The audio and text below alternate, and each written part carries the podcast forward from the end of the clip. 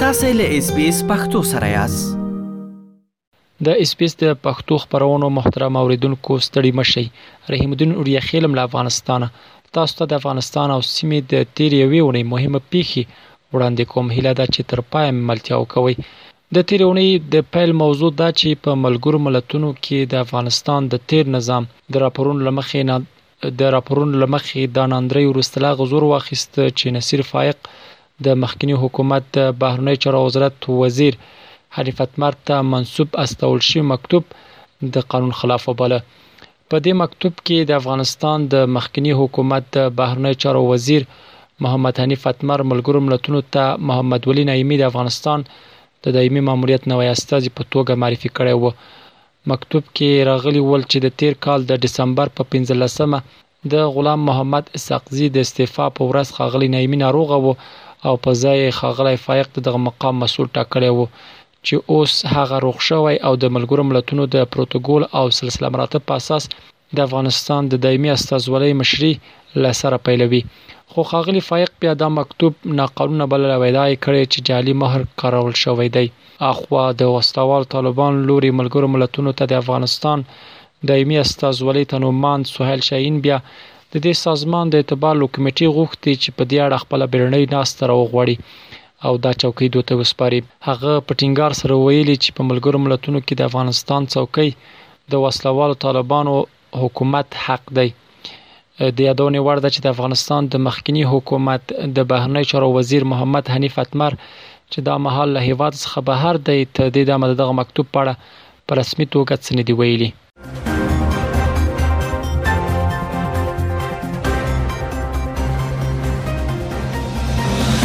د امریکا د بهرنیو چارو وزارت د عدالت لپاره د جایزې د ورکولو څانګې په افغانستان کې د داعش د خراسان ډلې د مشر ثناء الله غفاری پر سر چې په شهاب المهاجر مشهور دی لس میلیونه ډالر جایزه اعلان کړې ویل کیږي چې دا پیسې به د هغه معلومات په بدل کې ورکړل شي چې لمخې د داعش ډلې د خراسان څانګې یاد مشر او د دغه ډلې هغه غړي چې د تیر میلادي کال د اګست میاشتې په شپږویشتمه د کابل هوایي ډګر په ابي ګیټ کې په ځانمرګې حمله کې لاس درلود یا ووژل شي او یا هم ځای معلوم کړي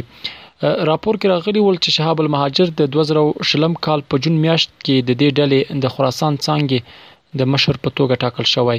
راپور کې دا هم راغلي ول چې نوموړی په افغانستان کې د ټولو حملو او بریدونو مسؤل دی د امریکا د بهرنیو چارو وزارت شهاب المهاجر په تیر 2021 کال کې د امریکا د نړیوالو ترهګرو په لیست کې هم شامل کړی او وسلوال طالبانو بیا دې راپور ته په خبرګون کې ویلي چې داعش ډله په افغانستان کې ځپلې ده او دا یې هم ویلي چې عمومي مشر یې افغانستان کې نشته او کوم سیمه ییز مشر یې چې دی د نیولو او ځپلو لپاره به یې ګوټلي ګامونه واخلي. امریکا داسې مهال د داعش ډلې د خراسان څانګې مشر او غړو پر سر میلیونونه ډالره جایزه اعلان کړې چې تازه بیا د ملګرو ملتونو د امنیت شورا راپور کې راغلي چې د طالبانو له واکمنۍ راپدېخوا په افغانستان کې د ترهګرو فعالیتونه زیات شوي.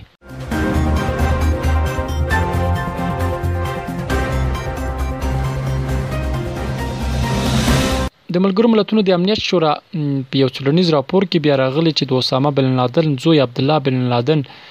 د تیر میلادي کال په اکټوبر میاشت کې له طالبانو سره د لیدلو په پار افغانستان ته سفر کړی وو او طالب مشرانو سره یې لیدلي دي. د عبدالله بن لادن د دې سفر په اړه ډیر جزیات نه دي خپاره شوي،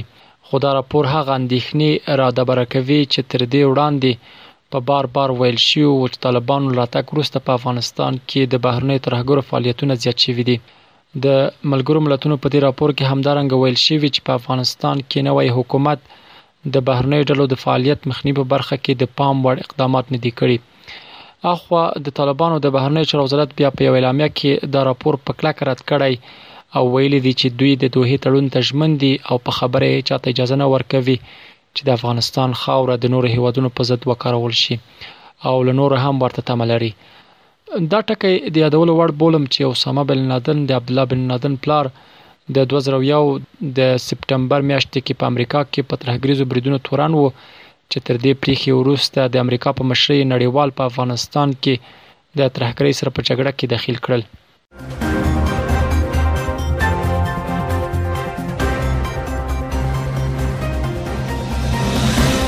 اروپايي ټولنې د افغان ښوونکو د وضعیت ښه کولو په پار د پنځوس میلیونه یورو چې شاوخوا اووه پنځوس میلیونه کېږي مرستې ژمنه کړې. د دې مرستې اعلان د ملګرو ملتونو د سرمنشي استازې دیبورا لینس د طالبانو له یو چارواکي سره په کابل کې د لیدنې پر مهال کړی. ویل شوي چې دغه پنځوس میلیونه یورو به د یونیسف له لارې د افغانستان په دولتي ښوونځیو کې ښوونکو ته ورکړل شي. دا مرسته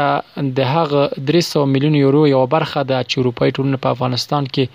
اړمنو خلکو لاسنیوي، روغتیا او پوهنې په بېلابېلو پروژو کې د لګولو ژمنه کړې ده. اروپايي ټولنې ویلي چې د ژمي په دې دوو میاشتو کې به هر ښوونکي ته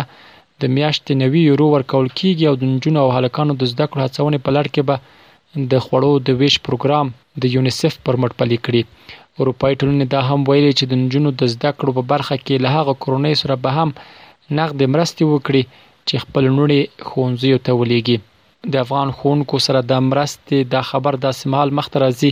چې په دې وروستیو کې د افغانستان په ډېرو سیمو کې ښوونکي له بدو اقتصادي ستونزو سره لاس او ګریوان دي، هسې هم په ټولیزه توګه له پخوا د ښوونکو معاشونه او نور امتیازات د ټیټې کچې دي، چې د ژوند ټولې اړتیاوې یې پرې نشي پوره کېدلی.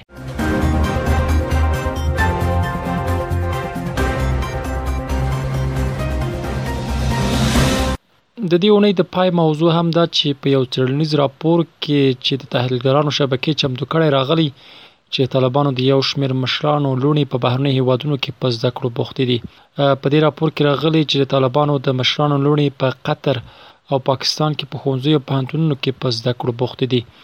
راپور کاږي چې د طالبانو د کوټې شورا د یو پخواني غړي چې اوس د طالبانو د حکومت سرپرست وزیر هم دی لور یې د قطر په یو پوهنتون کې زده کړې کوي د تحلیلګرانو شبکې پر راپور کې همدارز ویل شوي په پاکستان کې د طالب مشرانو لوړې او ځامن خصوصي ښوونځیو ته ځي چې زده کړې په انګلیسي ژبه دي دا شبکه د غراز ویلي چې په قطر کې د طالبانو مشرانو کورنۍ د عصري زده کړو لیواله دي او د نجونو له زده کړو سره هیڅ راز مخالفت نه لري. خو په ټوله کې باید وویل شي چې په افغانستان کې واک ته د طالبانو تر رسېدو وروسته او د شپږو میاشتو په تېرېدو لا هم اکثره نجونې له شپږم ټولکي پورته زده کړې نه شي کولای او دوی ته اجازه نه ده ورکړل شوې چې خپلو زده کړو ته په ښوونځیو کې ادامه ورکړي.